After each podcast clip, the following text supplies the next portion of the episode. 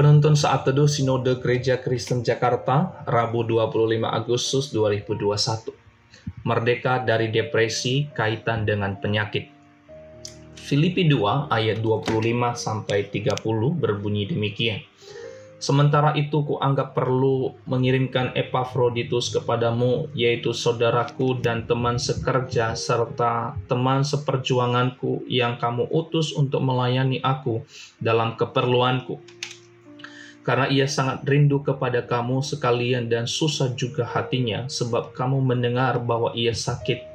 Memang benar ia sakit dan nyaris mati, tetapi Allah mengasihani dia dan bukan hanya dia saja melainkan aku juga supaya duka citaku jangan bertambah-tambah Itulah sebabnya aku lebih cepat mengirimkan dia supaya bila kamu melihat dia, kamu dapat bersuka cita pula dan berkurang duka citaku.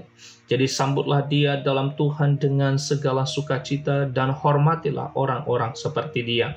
Sebab oleh karena pekerjaan Kristus ia nyaris mati dan ia mempertaruhkan jiwanya untuk memenuhi apa yang masih kurang dalam pelayananmu kepadaku.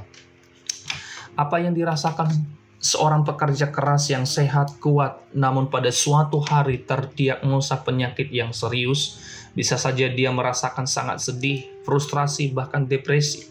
Tiba-tiba tubuh yang kuat sehat menjadi sangat lemah. Bukan hanya fisiknya yang lemah, namun juga mentalnya. Apalagi orang tersebut sangat produktif, Pasti sangat sulit untuk menerima kenyataan tersebut.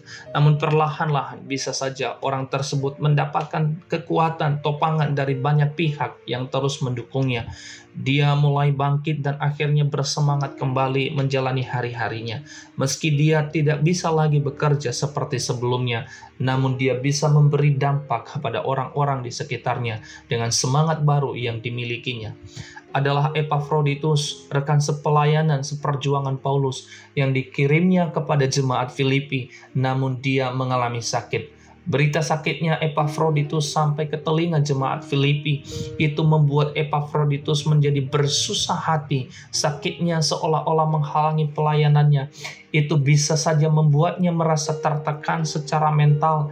Dia mempunyai semangat yang luar biasa dalam pekerjaan Kristus, bahkan ia nyaris mati dan mempertaruhkan nyawanya dalam pelayanannya. Namun secara fisik dia sakit. Rasul Paulus mengerti kondisi rekannya tersebut. Ia itu sebabnya Tuhan memakai Rasul Paulus untuk menguatkan, menghibur jiwa Epafroditus yang bersusah hati karena sakitnya tersebut dengan tetap mengutus ke tengah-tengah jemaat Filipi.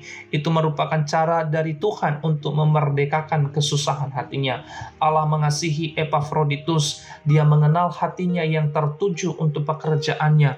Epafroditus tidak mau kesakitannya menghalanginya untuk melayani pekerjaan Tuhan.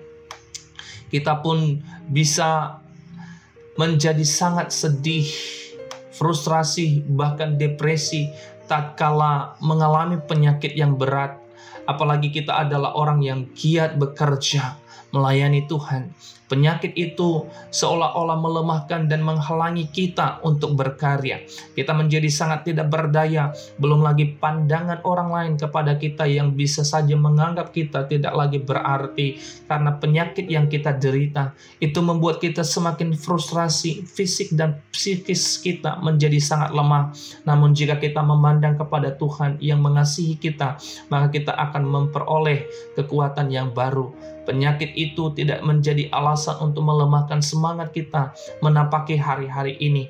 Yang ada melalui penyakit itu, kita bisa memuliakan Tuhan perjuangan hidup kita yang tangguh karena Kristus yang menguasai kita, memberi dampak yang membangun, menguatkan hidup orang lain, untuk kita dapat merasakan kemerdekaan dari depresi akibat penyakit, termasuk pada masa pandemi ini, adalah terus memandang kepada Tuhan Yesus yang mengasihi kita. Hanya karena pepangan Tuhan Yesus yang mengasihi kita, maka kita bisa kuat menanggung penyakit yang berat sekalipun. Tuhan Yesus memberkati.